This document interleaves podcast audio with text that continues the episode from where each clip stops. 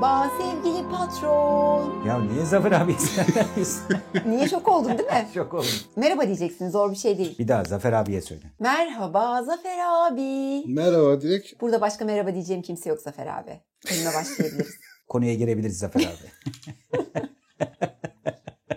Neyse artık bölüme başlayalım çünkü gerçek gündemden uzaklaşabileceğimiz tek alan burası. Yazıldığı zamandan daha çok kaçış edebiyatına dönüşüyor günümüzde Türkiye'nin hakikaten yani. Yani şekilde. edebiyattan para kazanmak isteyenler kaçış edebiyatına Evet. yönelsin. Bu bir yatırım tavsiyesi. Yatırım tavsiyesi. Bu gerçek bir yatırım tavsiyesi. Bugün gelen soruyu hemen ileteyim Zafer abiye. Ha evet ya çok güzel bir şey var. Bir çevirmen Antalya'dan yazmış. An. Unexpected Party kısmındaki parti bize Türkçe çevirmen parti olarak Evet, yani parti bildiğimiz olarak. parti olarak çevirmiş. Ama doğru bir yakalamayla tespitle partinin aynı zamanda bir grup anlamı da var. Birden fazla kişinin bir araya geldi. Loge grup gibi bir anlamı var. Diyor ki acaba diyor Tolkien bunu derken, parti derken beklenmedik bir grup mu demek istemiş yoksa beklenmedik bir parti mi diye çok doğru bir başka anlam getirmiş. Çünkü birinci bölüm her iki anlamı da karşılıyor. Evet. Yani Sizce? çeviride böyle bir öneri yapılabilir mi diye söylemiş. Yok, Hak verdim ben açıkçası. Arkadaşın ismini de söyleyelim Murat Tekir. Ama yazmış. çok güzel bir nokta evet yakalamış. ya şey gibi bu yani biraz aslında çevirmenin kendi anlayışına kalıyor ya bazı şeyler. Evet. Gene birisi bana DM'den yazmıştı bir arkadaş Ali'ydi herhalde adı. O da şeyi soruyor. Ben diyor Almancasından okuyorum abi diyor. Almanca işte adını da vermiş. Burada diyor yüzük diyor kader yüzüğü olarak geçiyor diyor. Türkçe'de diyor hüküm yüzüğü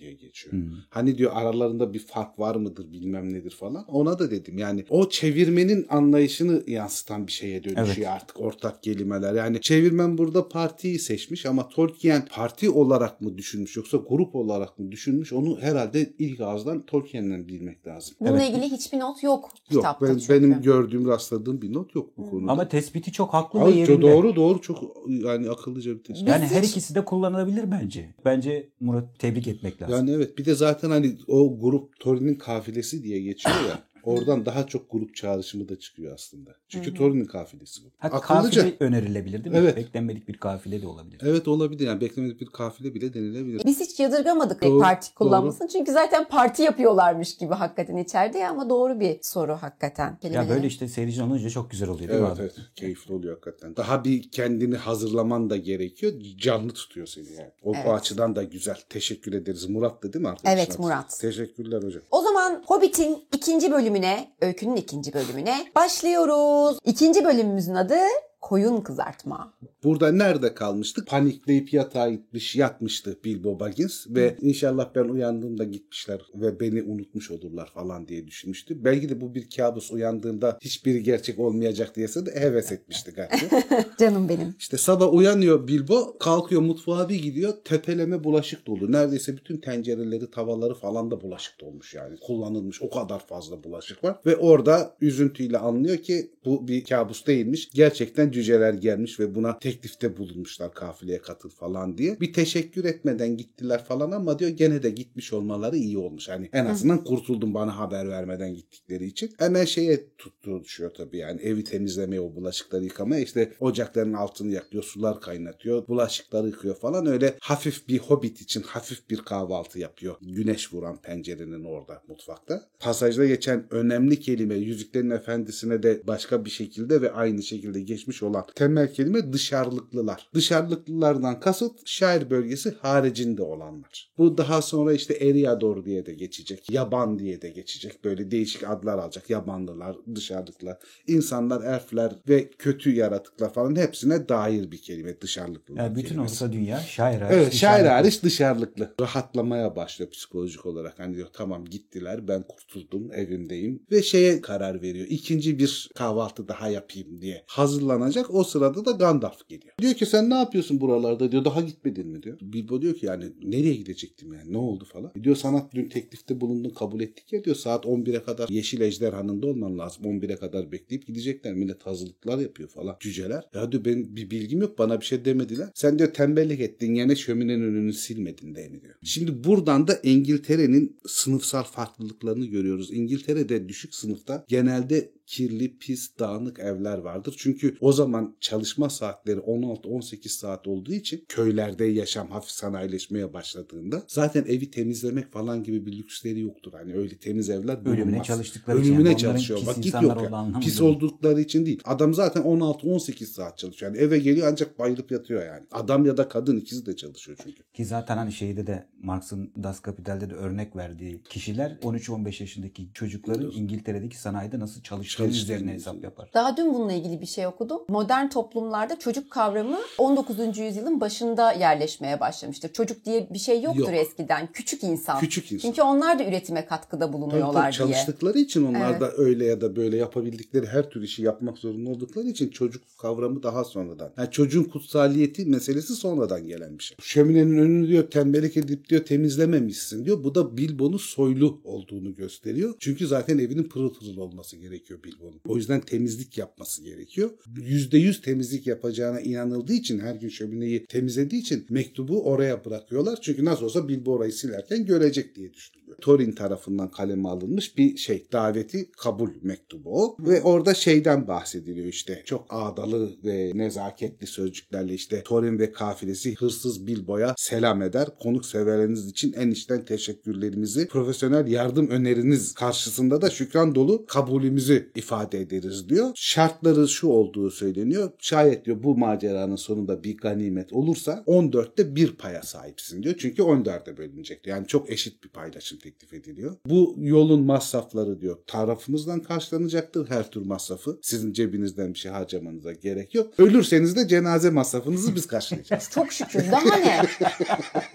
Daha Ya ne? bundan daha hala bir anlaşma bulamaz. Abi kapitalist düzende patronlar bunu da yapmıyor Yani biliyorsun. yapmıyor.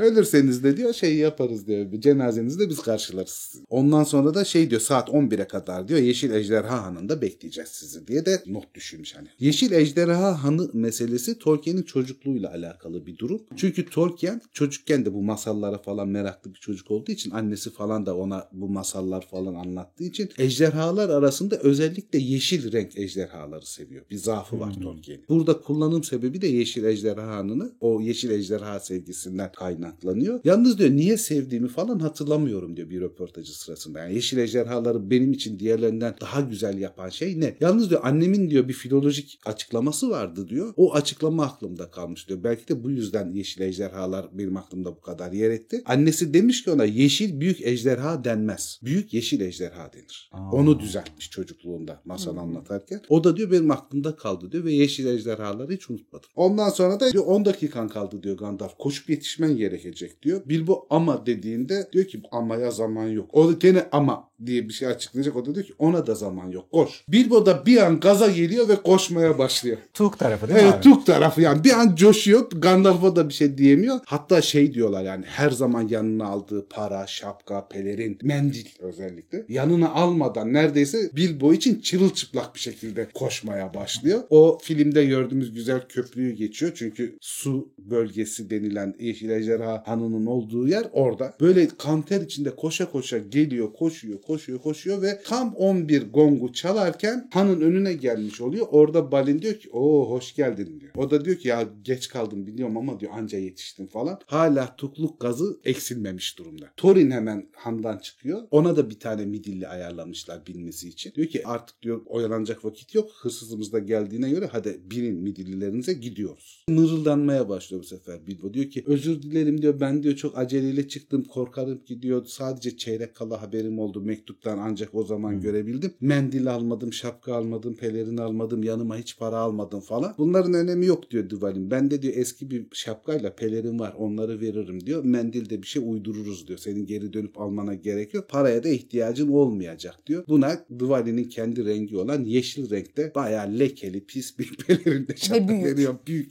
Cüceler hobbitlerden daha uzun oldukları için daha büyük. Hatta bunu gurur meselesi falan da yapıyor. Uzaktan acaba cüce gibi mi görünüyorum falan diye. Allah'tan diyor sakalları falan çıkmıyor da diyor cüce olmadığım belli oluyordur diye. Yani Yalnız abi bir şey söyleyeyim mi? Nereye gittiğini hiç bilmediği Hiç nasıl belli.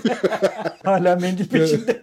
Ha, hiçbir fikri yok garibim. Ve bunu şey Tolkien şey diye not ediyor. Kesin bir tarih vermiyor ama Mayıs'ın başlangıcına bir gün kala diye bir tarifi var. O da İngiliz Ortaçağ takvimine göre Nisan 28 gibi yola çıktıklarını söylüyor araştırmacılar demek ki. Bunlar tıngır mıngır yola gidiyorlar. Hava da güzel, güneşli böyle sıcak. Midilli'de de rahat ediyor Bilbo. Her ne kadar pelerinden çok rahatsız olsa da. Hoşuna gidiyor aslında. Diyor ki ne güzel da- daha şairi çıkmamışlar tabii. Ağır ağır yola devam ediyorlar. Bu yolculuk şey gibi olacak arkadaşlar. Yani şairin hafif kuzey doğusundan İmraldis'e doğru. Ayrık Vadi'ye doğru yani Puslu Dağlara doğru bir yolculuk olacak. Yola çıkalı çok olmamıştı diyor. Daha şairi çıkmamışlardı. Gandalf çok güzel bir beyaz atın üstünde bunlara yetişiyor. Ve Bilbo'ya güzellik yapmış. Mendillerini falan getirmiş yanında. Bir de piposunu getiriyor. Ve şair tütünü getiriyor. Yani Güney Dirhem tütünü getiriyor. Bunu cücelerle de paylaşıyor Bilbo. Beraber Midillilerin üstünde pöfür pöfür pipolarını içip güneşli bir günde seyahat yapınca ya diyor bu macera işi zannettiğim kadar da kötü değilmiş. Güzelmiş. Bilbo. ne, ne kadar bilinçsiz bir hobbit. Şairin dışında iyi huylu insanların olduğu, kimselerin olduğu topraklardan geçmeye başladılar diyor. Yalnız diyor daha fazla ileriye gittiklerinde de diyor tuhaf dillerin konuşulduğu, Bilbo'nun pek de rastlamadığı, tanımadığı türde insanların olduğu bölgelere geldiler diyor. Yolculuk biraz daha ilerleyince hava daha bir soğumaya, yağış olmaya başladı. Tepelerde pek de iyi kişiler tarafından yapılmadığı sanısı uyandıran büyük şatoların falan olduğu dağlık vadilerden geçmeye başladılar diyor. Gitgide yani şey coğrafyada sertleşiyor. Kültürler değişiyor. Kültürler de değişiyor. E zaten bu çok şairde kaldığı için şairin dışı hep yabancı. Bir de uzaklaştıkça daha da yabancı, daha da yabancı bir hale geliyor. Keyfi kaçıyor aslında biraz. Evet yani artık yani iş biraz değişiyor Bilbo için. İşte diyor oralarda diyor bu şatoların göründüğü yerlerden sonra ıssız topraklar denilen yerler başlıyordu. Issız topraklar hakkında önemli bir not var. Ondan bahsedelim. Issız topraklar ismi 1966 baskısında Tolkien Yüzüklerin Efendisi'ndeki Mavi Dağlardan batıya ve Dumanlı Dağlardan doğuya uzanan engin toprakları ifade eder diye buraya not düşürmüş. Bu kitabın hatası. Mavi Dağlardan doğuya, Puslu Dağlardan batıya arasını ifade eder. Burada şeyi karıştırmış dizgici. Yönleri karıştırmış. Çünkü Eretluin dediklerimiz Lindon'un hemen arkasındaki dağlar. Şimdi ondan batıya dersen deniz başlıyor zaten. Misty Mountains, Puslu Dağlar dediğimizde Moria'nın olduğu sıra dağlar. Ondan doğuyla o iki dağın arasındaki yere Eriador, ıssız topraklar deniliyor Sindarin'de. Ve o ıssız toprakların içinde Şair da dahil. Ama Şair bölgesi daha bir hani yaşanılır bir yer. Çünkü kendi toplulukları var. Ama onun haricinde gitgide ıssızlaşan, İmraldis'e kadar ıssızlaşan Yabanıl denilen, Eriador diye ad verilen topraklar buralar. Yani aslında doğusu değil de batısı demesi yazdık. evet. Yani. Yani Eretli'nin doğusu Puslu Dağların Batısı. batısı arasında kalan yer. Yani kitabında hatasını bulduk. Kitabında hatasını bulduk. Artık diziden bir teklif bekliyoruz. Bize 100 dolar verse yeter. Bayağı geçiniriz. Yakında Haziran olacağını düşünüyorum da diye söylenmeye başlıyor. Bilbo aradan bir ay geçtiğini öğreniyoruz böylece. Çok çamurlu bir yolda diğerlerinin ardında devam ederken artık cücelerin falan da keyfi kaçmış. Çünkü şey bitmiyor. Yağmur bitmiyor. Çay saati geçmiş. Çay saati geçmiş. Bunun alıştığı ikinci, üçüncü, dördüncü, beşinci öğünleri yok. Erzak sınırlı. Kıyafetli komik. Kıyafetler komik. Kendisini rahat hissetmiyor. Cüceler gitgide aksileşip sertleşmeye Başak başlıyorlar. Burcu olabilir mi Bilbo Baggins acaba? Bana laf çekiyor abi. Yo niye üzerine alındın? Sen hangi burçsun? Allah Allah. Yağmurun kuru giysileri bırakmaması, yolların ağırlaşması, Haziran olmasına rağmen havanın çok serin, soğuk olması falan iyice keyifsizleşiyor. Buna da şey yapıyor tabii. Bofur'la Bimbur da destek veriyor. Çünkü onlar da ara öğünleri kaçırdıkları için sinirli, şişman cüceler. Ve şey diyor, lanet olsun diyor. Keşke diyor sıcak evimde olsaydım. Kaynayarak oynayan çaydanlık yanımda olsaydı. Keşke evimde olsaydım. Buralarda ne işim var benim falan diye Bak bu düşünmeye oyun başlıyor. benziyor gerçekten. Defalarca tekrar edebileceği bir dilek bu. Her zor durumda, çok zor duruma düştüğünde hep böyle diyor. Keşke evimde olsaydım, rahat koltuğumda, çaydanlığımda olsaydım falan. Burada benim tahminim bir yerden okumadım. Aziz Petrus göndermesi var. Petrus da her zora düştüğünde İsa'yı inkar ediyor ya. Hatta İsa da kendisi diyor Petrus için hani bir son bir konuşuyorlar. Diyor ki yani benim sonum geliyor. Kendimi feda etmem lazım. Son yemek zamanı. Petrus diyor ki senin için ölürüz. Sana dokundurtmayız sonra. Petrus diyor güneş doğup da ilk horoz ötene kadar sen beni üç kere daha inkar edeceksin. Ve hakikaten de Petrus üç kere daha inkar eder o arada akşamla sabah arasında. Bilbo da biraz bana onu çağrıştırıyor yani. Hep söyleniyor. Keşke şurada olsaydım da katılmasaydım da falan filan diye. Sonra rüzgar iyice hızlanıyor, sertleşiyor falan. Falan bir köprüye denk geliyorlar yolculukları sırasında. Bu köprü daha sonradan detaylandırılıyor. Üç kemerli bir köprü bu. Suları neredeyse kırmızıya yakın kahverengi olan bir nehrin üstünde kurulmuş bir köprü diye geçiyor 1937 basımında Hobbit'te. 66'da biraz daha detay veriliyor. Daha sonra bu köprünün çok daha önemli bir işlevi olacak. Şu açıdan önemli bir işlevi olacak. Bu köprüden geçiş sekansını Yüzüklerin Efendisi kitaplarıyla eşleşmek için bir çaba gösterecek. Çünkü o köprü Mitheliel köprüsü. Mitheliel nehrinin üstündeki bir köprü. Önemli bir köprü. Yüzüklerin Efendisi'nde de Aragorn hobbitlerle beraber Ayrık Vadi'ye giderken o köprüden geçerek Ayrık Vadi'ye gidiyorlar. Köprünün daha sonrasında da bir ormanlık alan var. Hobbitler trollere orada rastlıyor. Bu kitapta öyle anlatılıyor. Hemen köprüyü geçtikten sonra çok yakın bir mesafede aynı gün yani orada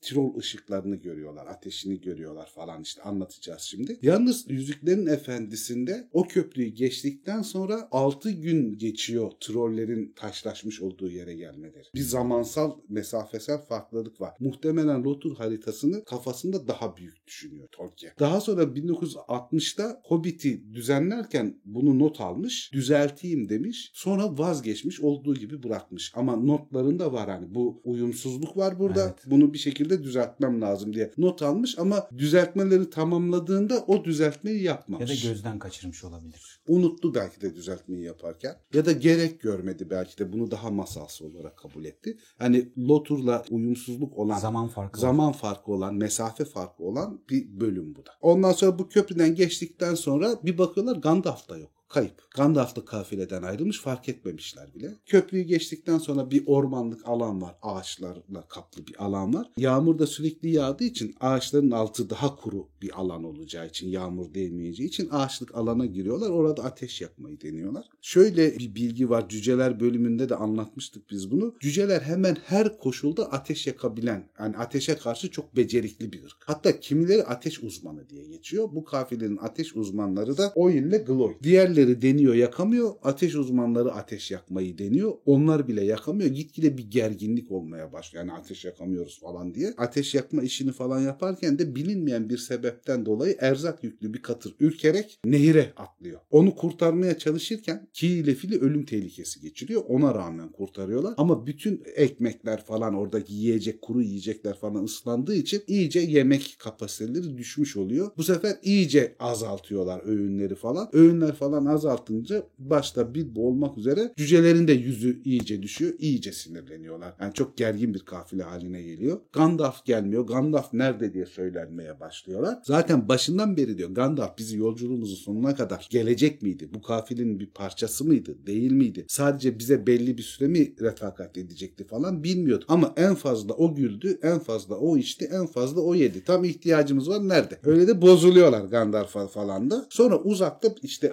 ağaçların arasında bir ışık fark ediyorlar. Ne ışık olduğunu bilmiyorlar. Gidelim ışığa diyorlar. Neymiş bakalım. E kimileri diyor ki ne ışık olduğunu bilmiyoruz. Gidersek başımıza bir bela gelirse. Kimileri diyor ki başımıza bela gelirse gelsin 14 kişiyiz biz hallederiz. Thorin sessiz kalıyor bu sırada. İşte aralarında bayağı tartışmaya başlıyorlar. Biraz bönlük var cücelerde de herhalde bu tartışmayı seviyorlar aksiliklerinden dolayı. En sonunda Thorin diyor ki ya diyor bizim uzman hırsızımız var gitsin baksın. Yani Bilbo diyor görev senin diyor. Sen diyor çaktırmadan git diyor. Bir ışığa bak diyor. Ne ışığı? Ateş mi? Başka bir kaynağı mı var? Bize bilgi getir orada. Bilgi getirmeye gittiğinde diyor başına kötü bir şey gelir. Dönemeyecek bir halde olursan diyor. Peçeli baykuş şeklinde öterek diyor bize haber ver biz yetişiriz sana. İki güzel. kez peçeli baykuş bir kez de cüce baykuş. Cüce bak şu. Diyor ki Bilbo yarasa gibi uçmayı ne kadar becerebilirse bir kez bile herhangi bir baykuş gibi ötmeyi de o kadar becerebildiğini umursamadan ve açıklamaya fırsat bulamadan ışığa doğru yöneldi.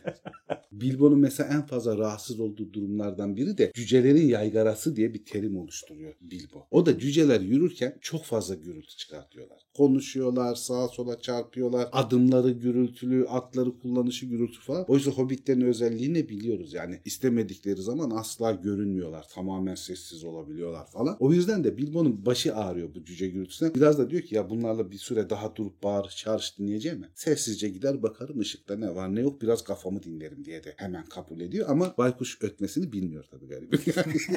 Ateşe yaklaşıyor. Tabii ki çok sessiz bir biçimde hobbit olduğu için. Zaten hava falan da kötü. Öyle ufak tefek sesleri de duyacak gibi değil kimse. Bakıyor üç tane dev yaratık kayın ağacından yapılmış kocaman bir ateşin üstünde. Sırıklara geçirdikleri bir koyunu pişiriyorlar. Yanlarında da böyle bir fıçı bira var. Ondan içip muhabbet ediyorlar. Onların troll olduğunu anlıyor. Mağara trolü olduğunu anlıyor. Aralarındaki konuşmaları falan dinleyeyim bari diyor. Ondan sonra döner haber veririm hani ne diyorlar, ne yapıyorlar falan. Ama görünmemesi gerektiğini de farkında. Çünkü troller dost canlılar değiller. Trollerin konuşmalarını bir şiveyle yapıyor Tolkien yazıyor. Burada da şiveli olarak yazılmış zaten. Hani Cem diyor ki abi tokat şivesi diyor. Ben bilemem. Tokat Sivas şivesine Evet. benzettim ben. benziyor yani. Toatlıyla Sivaslı. Öyle yazmışlar ama hakikaten. hani bunu yazan adam o şivelere hakimmiş. Bir şey yanlış adam. anlaşılmasın. Cem de hani anne tarafından tokatlı olduğu Anne tarafın için bir kısmı aynen biliyor tokat. yani Ben o yüzden. Sivaslıların da aşağı yukarı Şivede çok kötü bazı bir şey yok ki. Ben de Ankara diyorum. Abi Ya ben- geçen gün bir bölüm yazmak için bizim Murat'ı aradım. Dedim ki ya bu gemilerin çaldıkları korna. Korna mı? Yoksa düdük mü denir? Vallahi biz ona korna diyoruz. Dedim birader yani bu böyle mi? yani? Başka kaptan ne diyor diye sorsaydın.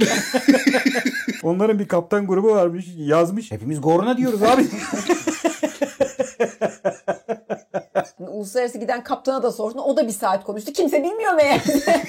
Çok deli bir soru sormuşum haberim yok. Gemiciliği karıştırdı ya. Hakikaten Vallahi ya. arm- armatörler seni bulacak onu. Kimi düdük diyor kimi korna diyor. Sen? Biz korna diyoruz. Biz, biz gerçeği öğrendik korna. Gerçek kaptanlardan öğrendim. O korna. Bu şive işini şeyden aldığını söylüyor. Chaucer'dan, Geoffrey Chaucer'dan. Zaten ondan çok etkilenmiş bir yazar. Bu Chaucer dediğimiz adam da işte Canterbury hikayelerini falan derleyen yazan çok çok önemli bir Anglo-Sakson yazar. İngiliz şiirinin babası olarak Tabii biliniyor. tabii. Yani temel işte Ronald'ın şarkısını falan da aslında toparlayan adam bu adam. Çok önemli. Yani İngiliz edebiyatı açısından temel taşlardan birisi. O dönemin bir yerel dilini kullanarak anlattığı şey var. E, masallar falan var. Aynı şekilde yazmış. Şiveli yazmış. Tolkien de ondan etkileniyor. Daha da ilginç bir şey var. 1938 Ağustos'unda 14.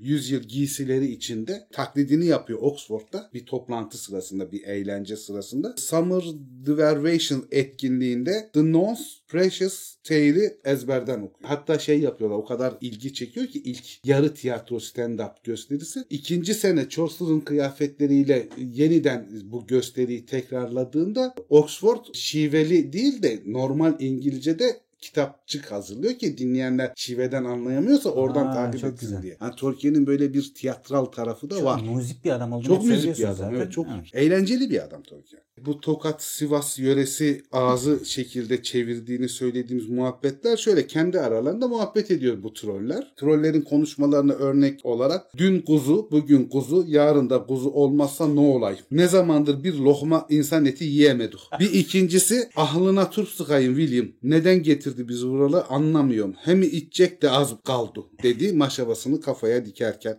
İçeceği William'ın boğazına kaçtı. Kapı ağzını dedi konuşabildiği ilk anda. Millet sırf senle Bert'e yem olmak için mi geleceğiydi buraya? Dağlardan indiğimizden beri ikiniz bir olup bir buçuk köy yediniz. Ne zamandır bir sağ ol bir şişman vadi kuzusu getirdin bize demediniz. Dilekçe Parça okusun bir parça. Oku bakayım direkt. Kapa ağzını. Millet sırf senle Bert'e yem olma için mi geleceğiydi buraya? Dağlardan indiğimizden beri ikiniz bir olup bir buçuk göğü yediniz. Daha ne istiyorsunuz? Hem ne zamandır sağ ol bil şişman vadi kuzusu getirdin bize bir demedüz. Christopher Tolkien yıllar sonra babası öldükten sonra gene bu Hobbit hikayesi hakkında konuşuyor. Hobbit'i bize anlattığı zamanlar diyor en çok trolleri sevmiştik ve en çok onlar aklımıza kaldı. Hatta trollerin yok edilmesine üzülmüştük kardeşler olarak. Hmm. Çünkü babam şiveleriyle konuştuğu için çok sevimli canlılar Aa, gibi işte. gelmişti. Ha bizim halk tiyatrosunda da şive komiği diye bir şey Evet, vardır. var. Yani bu bütün dünyada böyle. bir şey soracağım. Çeviride bu şiveyi kullanmasını nasıl buluyorsun? Çok sevimli buluyorum. Çok sevimli değil mi? Çok ben de sevimli. aynı Ben, şeyi bence de çok düşündüm. güzel. Çok eğlenceli. Aha, Yani. Tolkien'in yaptığı o işi buraya çok doğru bir şekilde aktarmış. Bu şive herkes tarafından bilinen bir şive çünkü. Evet bilinir. Yani az çok. Çünkü Toatlılar ve Sivaslılar Türkiye'nin dört bir yanında yaşarlar. Belki başka yerlerde de buna benzer konuşmalar vardır. Yazar o arkadaşlar. bölgenin ya hakikaten. Şey de var ama çok benzettim. Kuş da çıkabiliyor. O Kastamonu. Dilleri Evet, kullanışı evet. ona da benziyor. Kastamonu. Ama işte ben, onlar zaten dip dibe. Evet, o bölge tabii. yani. Neydi? Kuzey İç Anadolu'yla Güney Karadeniz arasındaki Evet, aynı. Zorlarsak Burdur'a kadar gelir yalnız bu şive. Burdur'un şivesi ayrı. Yok gelmez. O O ayrı. ayrı Kaş. Burdur. Bir kere Kaş diye bir yer yok. Kaş diye bir yer var. Gaş. Burası gaş. Önü yaş, arkası daş. Bir denize yaş diye tabir etmek de deniz açısından çok utanç verici. Koca torasları da daş diye tarif etmek ayrı bir şey. Öyle. Evet. abi. Sonra troller hakkında bir açıklamaya girer Tolkien. Evet troller böyle davranır. Birer kafalı olsalar bile. Çünkü troller genelde peri masallarında birden çok kafaya sahip. Tolkien onları birer kafalı yapmış. Ve buradaki trollerden bahsediş etkilenimi Tolkien'in Grimm masallarında usta avcı hikayesinden olduğu belirtiliyor Tolkien tarafından da zaten. Kinder und Haus Marschen. Buradaki trollerin o masallardaki Grimm'deki trollere benzediğine işaret ediliyor. Bütün troll geçen mitolojilerde Norveç, İzlanda, Fin, Anglo-Sakson trollerin hakkında ortak bilgi şudur. Çok kötü kokarlar, iridirler ve çok çirkindirler. Hep böyledir yani. Bilbo şey diyor bunları diyor bizi yakalarsa yer. Ona akıl erdiriyor. Hatta diyor katırları matırları bile ne bulsa yer bunlar diyor. Ama böyle hiçbir şey yapmadan da geri dönmek istemiyor. Çünkü hani o uzman hırsız uzman hırsız diye dedikleri için bir şey yapmam lazım ki diyor. Hani o görevimi hak edeyim. Orada şey diyor devrin uzman iyi bir hırsızı olsaydı trollerin cebindekileri alırdı, yiyeceklerini alırdı, içeceklerini alırdı ve trollerin bunlardan hiçbirinin haberi bile olmazdı. Uzman olmasa bile iyi bir hırsız olsaydı da troller ne olduğunu anlamadan her birinin arkasından bıçaklar öldürür. Ondan sonra gece onların yiyecek içecekleriyle sefa edilirdi. Ama Bilbo bunlardan hiçbiri değildi. Bilbo da diyor ki ya diyor troll ceplerinde diyor hep değerli şeyler bulunur. Orada çok özel bir belirteci var. Diyor ki Bilbo şehirden çıkmamasına rağmen çok fazla okumuştu. Bilgi olarak var da pratik görgüsü yok Bilbo'nun. Hmm. Ben diyor ceplerinden diyor bir şey aşırabilirsem bunların diyor onu götürüp işte troller var falan desem hırsızlığımı da kanıtlamış olurum. Hem de diyor bir işe yarar belki cebinden aldığım bir şey falan diye şey yapıyor böyle sinsice ateşin çevresinden dolanıp William'ın arkasına saklanıyor. Onlar konuşmalarına birbirlerine takılmalarına falan devam ederken elini William'ın cebine sokuyor ve orada bir troll cüzdanı buluyor. Troll cüzdanları çok şeymiş. Belalı cüzdanından ayrılan troll hemen hisseder falan hikayesi. Bu tam cüzdanı cebinden çekerken William cüzdanının alındığını hissediyor. Dönüyor ve Bilbo'yla yüz yüze geliyor. Pat Bilbo'yu yakalıyor. Ve orada şey diyor. Vay canına Bert şu ensele düğme bak. Nedir dedi yanına gelen diğerleri. Biliyorsam ne olayım nesin sen? Bilbo Baggins bir hırsız diyecek. Korkuyor demiyor. Hırs hobbitim diyor. Hırs yarım kalıyor. O da diyor ki hırs hobbit mi? Troller biraz durgun zekalı ve yeni şeylere karşı hayli kuşkucudurlar. Hem bir hırs o bütün cebimde ne işi var diyor. O da diyor ki şey diğeri de ya diyor bunu pişirip yesek mi acaba? Hani hazır elimize geçmişken. O da diyor ki dur daha diyor bunu diyor yesek ne olacak diyor. Zaten dişimizin kavuğuna yetmez. Küçücük bir şey diyor. Birisi de şey diyor bunun diyor kemikleriyle derisini ayırsan diyor bir lokmacık et kalır. Bundan diyor pişirip yemeye değmez bu. Bırak geçsin diyor. Aa orijinalini söyle abi. Derisiyle gemiklerini ayıkladıktan sonra. Derisiyle kemiklerini ayıkladıktan sonra bundan bir şey kalmaz diyor. Belki etrafta onun gibi başkaları da vardı da durta yaparız. Hobbit durtası. ya ben turtayı hep şey diye düşünürdüm. Tatlı diye düşünürdüm. Turtayı turta aslen et yemeğiymiş. Ben Aa. sonradan öğrendim. Ha, burada da işte etli hobbit turtası yapacaklar. Belki birçok arkadaş da hani belki benim gibi safça düşünüyorlarsa uyarayım diye diyor. Yok ama bizdeki sadece kullanımı tatlı olduğu için Evet. abi. evet. Hani oysa turta şey gerçek manada et hamur yemeği yani. Ben bir kere da öyle var ama- etli yaptıkları zaman turta deyince dedim ne alaka lan bu dedim yani bir yemek programı gibi bir şey Hmm. yabancıların. Ne derler? Üstüne hamur kaplanmış etle yapılan bir yemek. Bizim Karadeniz pidesi gibi düşün. Üstü Onun kabası. Etli ekmek olabilir. Etli ekmek Etli olabilir. ekmeğin üstü kapalı değil. Gastamonu pidesi. Olabilir. O yüzden bu şiveyle yazılmış. Ondan sonra şey aralarında konuşmaya başlıyorlar. Bunlara ne yapabiliriz? Başkaları da olabilir mi? Olamaz mı falan diyor. Bert bir tane yapıştırıyor. Al sana pis tavşun diyor Hobbit'e. Daha sonra da ayaklarından ters çevirip tutmaya başlıyor böyle. Ben onu bırakmam, sorgulayacağım diye inat ediyor. Burada şey var. The Fox Went Out diye bir yöresel bir müzik var. Tolkien'in o müziğe güfte yazdığı bir troll şiiri var. Buradaki kitapta troll şiirini bulabilirler. Çizmenin tabanı adı altında bir troll şiiri bu. Tolkien bizzat kendisi yazmış. Amerikan versiyonunda hem melodi olarak hem söz olarak değiştirilerek kullanılıyor. İlk melodi anonim zaten. İngilizler tarafından bilinen bir melodi zaten. Tekrarlanan bir melodi. Tolkien sadece troller üstüne ona söz yazıyor. Hatta bu sanırım Tom Bombadil kitabında var. Çünkü Tom Bombadil kitabı şiirlerden oluşuyor. Tom Bombadil kitabında da bu şiirin olması lazım. Yanlış hatırlamıyor isem. Sizden başka var mı diye sorunca otomatik olarak evet bir sürü diyor Bilbo. Daha sonra bu dediğinde pişman oluyor tabii. Hani diğer arkadaşlarım da satmış oldum, oldu. gammazlamış oldum, yakalandım diye düşününce. Diyor ki yok hiç yok bir tane bile yok. Ne demek istiyorsun diyor Bert. Söylediğim şeyi demek istiyorum diyor Bilbo'da. O da diyor ki söylediğin şey ne diyor. Çok mu var hiç mi var? Yani yok mu? Şey diyor iyi yürekli troller diyor. Beni pişirmeyin diyor. Ben zaten hani küçücüğüm etimden bir fayda gelmez ama mükemmel aşçıyımdır diyor. Size çok güzel yemekler yaparım. Çok güzel aşçılık yaparım falan. Çok becerikliyimdir bildiğiniz gibi değil. Beni yemezseniz daha çok işinize yararım diyor. Beni akşam yemeğinde yememenize söz verin yeter. Başka bir ücrette talep etmem. Yeter ki beni yemeyin ben sizin aşçılığınızı yapayım. Lütfen burada William'ın söylediği cümleyi şivesiyle söyler misin? Zavallı götçük herif. Bırak gitsin diyor. Bir sürü ve hiç yok deneyle ne kastettiğini söyleyene katlar olmaz diyor dertte. Uyguda gırtlağımı kessinler istemem. Konuşana kadar ayak parmaklarını ateşe tut. Buna iznim yok dedi William. Hem onu ben yakaladım. Yani öyle de eziyet de etmem diyor ona. Sen şişman bir ahmaksın. Bu akşam dediydim zaten aynısını sana diyor. Sen de eşeğin teküsün diyor.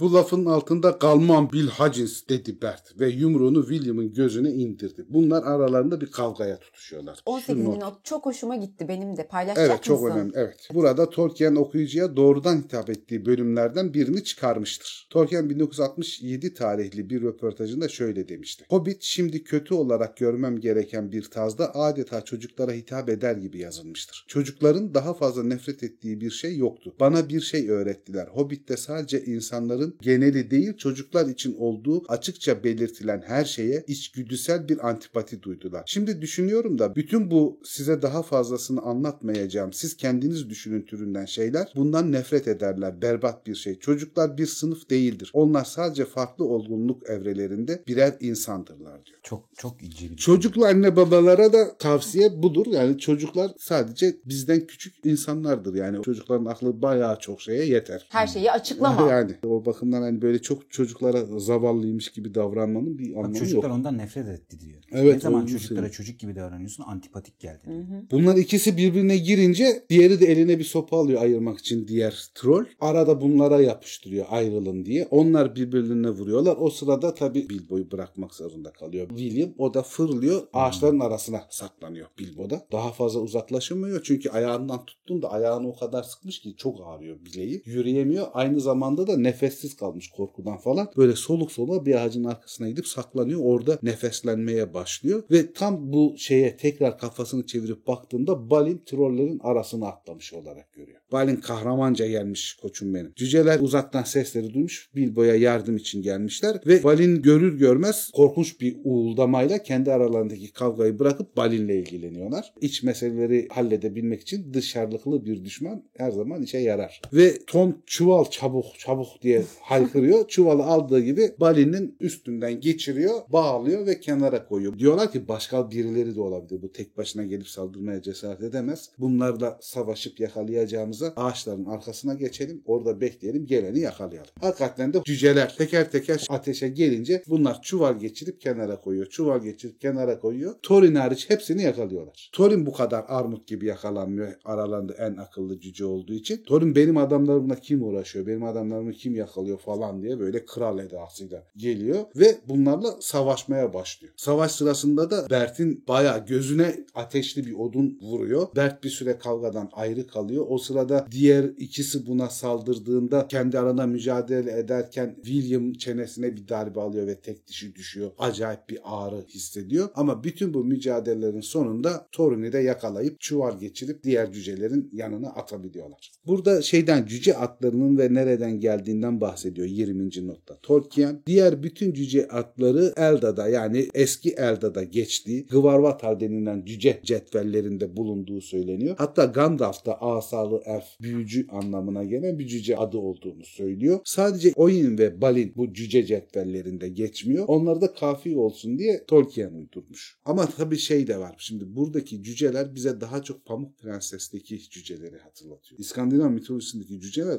başka cüceler. Böyle cüceler değil onlar. İşte Thorin'in de yakalanmasından sonra şeye karar vermeye çalışıyorlar. Biz bunları yakaladık da ne yapacağız? Aralarında ilk konuşmalarında kızartmaya karar veriyorlar. Bu cüceleri kızartalım yiyelim diyorlar. Bert itiraz ediyor. Diyor ki bunları kızartmak sabaha kadar sürer diyor. O zaman uşağa kalırız yiyemeyiz diyor. O yüzden diyor kızartmak diyor uygun değil. İkinci karara varıyorlar. Bunları diyor en iyisi diyor kıyma yapıp haşlayalım. Daha sonra hani öbür gece yeriz diye düşünüyorlar. Üçüncü kararları da şey diyor. Tek tek üstlerine oturalım jöle yapalım. Böylece sindirmesi daha kolay olur falan diyor. Kıyma mı yapıp haşlayalım? Kızartma mı yapalım? Üstlerine oturalım da pestil mi yapalım falan diye tartışırken gene aralarında kavga çıkıyor. Çünkü troller kavgaya çok meyilliler. Bu açıdan da biraz orklara benziyorlar. Diyalogları çok kavgacı bir hale dönüşüyor hemen birbirleriyle. O sırada Gandalf da geri dönüyor. Yalnız Gandalf'ın geri döndüğünü Bilbo dahil hiç kimse fark etmiyor. Gandalf da direkt trollerin arasına atlamıyor. Yine kenardaki ağaçların birinin arkasında duruyor ve trollerle uğraşmaya başlıyor. Arkadan süfle veriyor. Ama Gandalf'ın burada iyi bir taklitçi olduğunu da anlıyoruz. Çünkü birbirlerinin sesiyle konuşuyor. O aralarında kavga çıkartıp zaman kazanmak için. Kimin üstünde oturacaksın sen diyor. William diyor ki benim canımı diyor Thorin. en son gelen yaktı, Thorin yaktı diyor. Ben onun üstüne oturmak istiyorum diyor. Hangisi diyor şu yeşil çoraplı diyor. Gandalf aradan Bert'in sesiyle salak diyor yeşil çoraplı değil ki diyor. O gri çoraplı diyor. Hayır yeşil çoraplı, gri çoraplı. Tursun idi, İdris idi. Bunlar yine birbirlerine giriyorlar ve gün ağarması iyice yaklaşmaya başlıyor. Gandalf her sakinleştiklerinde araya bir sufle girerek tekrar aralarında bir kavga çıkartıp hem cüceleri korumuş oluyor hem de zaman kazanmış oluyor. Günün aydınlanmasına çok az kalıyor. Gün aydınlanmasının önemi şu. Norveç cüce kültüründe troller güneş ışığında taşlaşırlar. Ana malzemelerine dönerler yani. Artık güneş doğmaya başlıyor ve Tom, Bert, William hepsi birden olduğu yerde, durdukları yerde güneş ışınlarının gelmesiyle taşlaşıyorlar ve öylece kalıyorlar. Hatta işte Aragorn'la Ayrık Vadi'ye seyahatleri sırasında Frodo'nun tayfasının onların oradan geçtiklerini biliyoruz. Abi şuradaki görseli arkadaşlara da göstermek adına. Gandalf'la Bilbo'nun ön taraftan göründüğü Tolkien'in çizimlerinde tek görsel Tek buymuş. görsel bu. Tolkien'in kendi çizdiği. Evet çok ince bir detay ama kullanılmamış değil mi abi? Öyle söylüyor Yok kitapta. bunu kitapta kullanmamışlar. The three trolls are turned on stone. Üç trollün taşa, Taşa dönüşmesi. dönüşmesi çizimi bu kullanılmamış ama. Baksana kazan falan da var. Evet kazan var. Bira şeyi var orada. Fıçısı. Fıçısı var. Fıçısı var. Şurada şeyler var. Bak ayakları gözüküyor sol tarafta. Cüceler. Cüceler. Aynen. Çuvalla bağlanmış durumdalar falan. Bayağı güzel. Bu trollerin tartışması hikayesi gene e, şeyde Grimm masallarında değişik bir şekilde var. Muhtemelen Tolkien oradan da etkileşiyor. Yalnız oradaki tartıştırma hikayesi Grimm masallarındaki hikaye Cesur Küçük Terzi hikayesinde. Oradaki hikaye şey ağaçlar çevresinde dönerek küçük taşlar atıyor trollere. Troller sen attın yok ben atmadım o attı ben atmadım bilmem ne diye birbirine giriyorlar. Burada taktikle ve sesle birbirlerine giriyorlar. Öyle bir detayı var bunun. Bu arada kavga çıkartan kişinin de şey olduğu ortaya çıkıyor. Gandalf olduğu ortaya çıkıyor. O sırada panik ve korkuyla Bilbo uzaklaşacağım diye bir dikenli çalıya dolanmış durumda kalmış orada.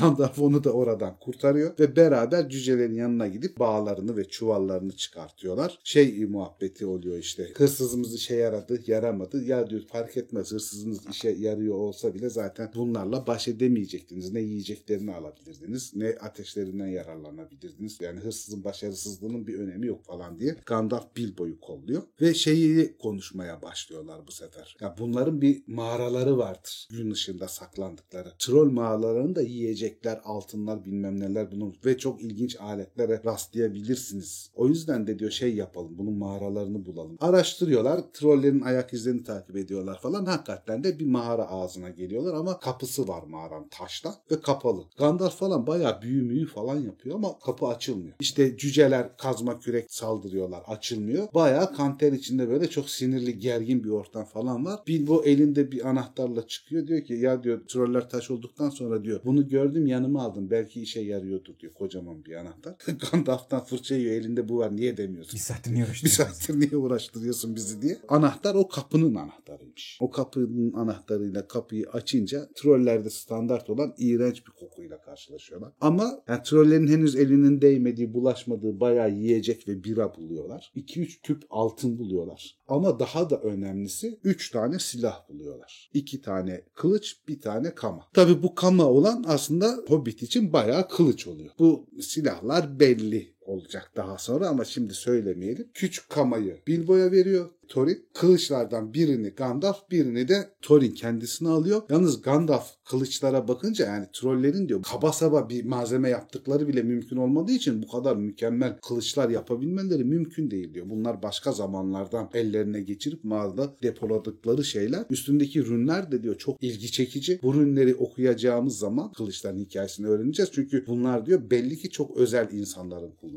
kılıçlar. Ben diyor Elrond'un adamlarıyla karşılaştık. Birkaç gün içinde diyor Ayrık Vadi'ye ulaşmış olacağız. Orada Efendi Elrond bu rünlerin sırrını bize söyler. Oradan da diyor bu silahların kimlere ait olduğunu, nasıl silahlar olduğunu öğrenmiş oluruz. Şimdi bu yiyecekleri falan ve yiyecekleri, kılıcı ve hazineyi aldıktan sonra diyorlar ki fili falan yani mide bulandırıcı bir koku var. Daha fazla durmayalım. Çıkalım, Buradan çıkalım. çıkalım. Yiyecek buldukları için de mutlular. Çünkü zaten hani ta sabah olmuş akşamdan beri açlar. İtiraz da etmiyorlar trollerin mağarasından aldık falan diye de iştahla onları yiyorlar. Karınları doyuyor. Burada cücelerin de kendilerine has büyüleri olduğunu öğreniyoruz. Çünkü yanlarında taşımak istemedikleri için yük olacağı için orada bir yere altınları gömüyorlar. Ve herkes tarafından fark edilmesin, kimse bulamasın diye çok sayıda efsunla büyülediler bölgeyi diyorlar. Demek ki cücelerin de yani en azından hobbitlerde kendilerine ait bir gizleme büyüleri falan var. Buradan da bunu anlıyoruz. Şey diyaloğu çok güzeldir burada. Thorin'le Gandalf'ın diyaloğu diyor ki bir sakıncacısı yoksa nereye gittiğini sorabilir miyim diyor Thorin biraz sertçe. Gandalf diyor ki ileriye bakmaya. Ya seni tam zamanda geriye döndüren şey neydi? Arkaya bakma.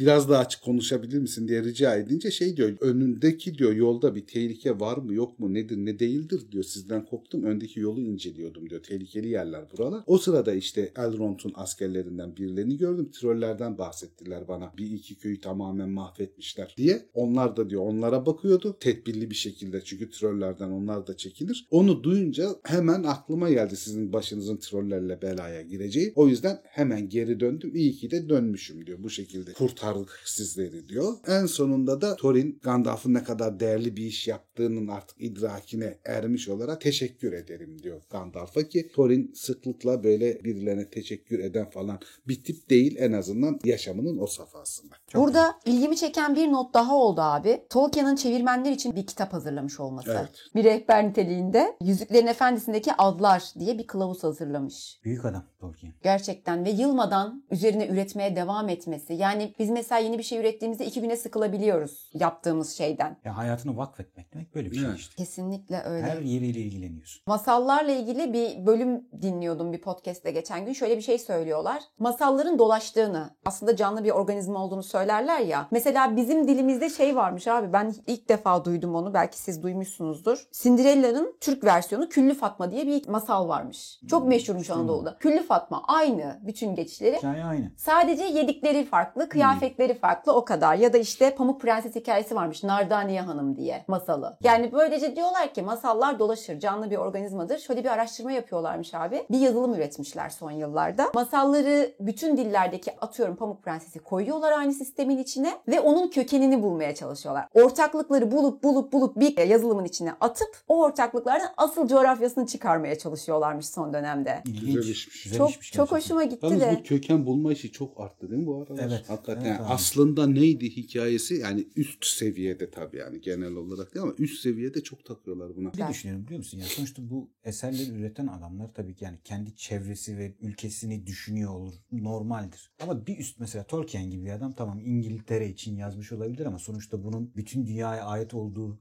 hissiyle de doğacak bir sanatçı adam sonuçta. Sanatçılar dediğin herkese yapar. Bu köken işleri yani kime ait şuna ait. Ya insana ait arkadaş sonuçta bütün insanın dünya kü- kültür mirasları bunlar. Ama bunu birazcık sanki böyle son dönemlerde böyle milliyetçiliğin bütün dünyada yükselişiyle, sağın yükselişiyle Hmm. herkes bir şeylere sahiplenmeye çalışıyormuş gibi bir his uyandırıyor bende. Çünkü biliyorsun yani Hitler de aynı metodu bambaşka şeyler yapmaya çalışan e, sanatçıları, filozofları alıp kendi kafasında anormal bir şeyi çevirip bambaşka bir şey yaratmıştı yani. Sanki bu sonuç bu Ya işlerden çok bıçak onlar sırtı iş çok bıçak yani. sırtı Çok iş. bıçak Yani sırtı kötü niyetler için çok başka şekilde Evet. kullanılabilecek çalışmalar ama iyi mi? Müthiş çalışmalar. Müthiş çalışma. Ama şey diye düşünürsen mesela masalların yazarının bilinmediğini orijinalinde ve ağızdan ağza söylene gelen bir tür olduğu için onlar için köken araştırması iyi bir şey. Edebi anlamda, kaynak gösterme açısından düşünürsen. İşte şöyle şöyle oluyor ya yani mesela atıyorum yani Avrupa'da bulundu diyelim bunların kökenlerinin bir kısmı. Fransızlar Almanlara saldırıyor. Almanlar Fransızlara saldırıyor. İş ona gidiyor yani demeye çalıştı. Anladım. Evet, böylece ikinci bölümümüzü de noktalamış bulunuyoruz. Ne güzel şiveli şiveli.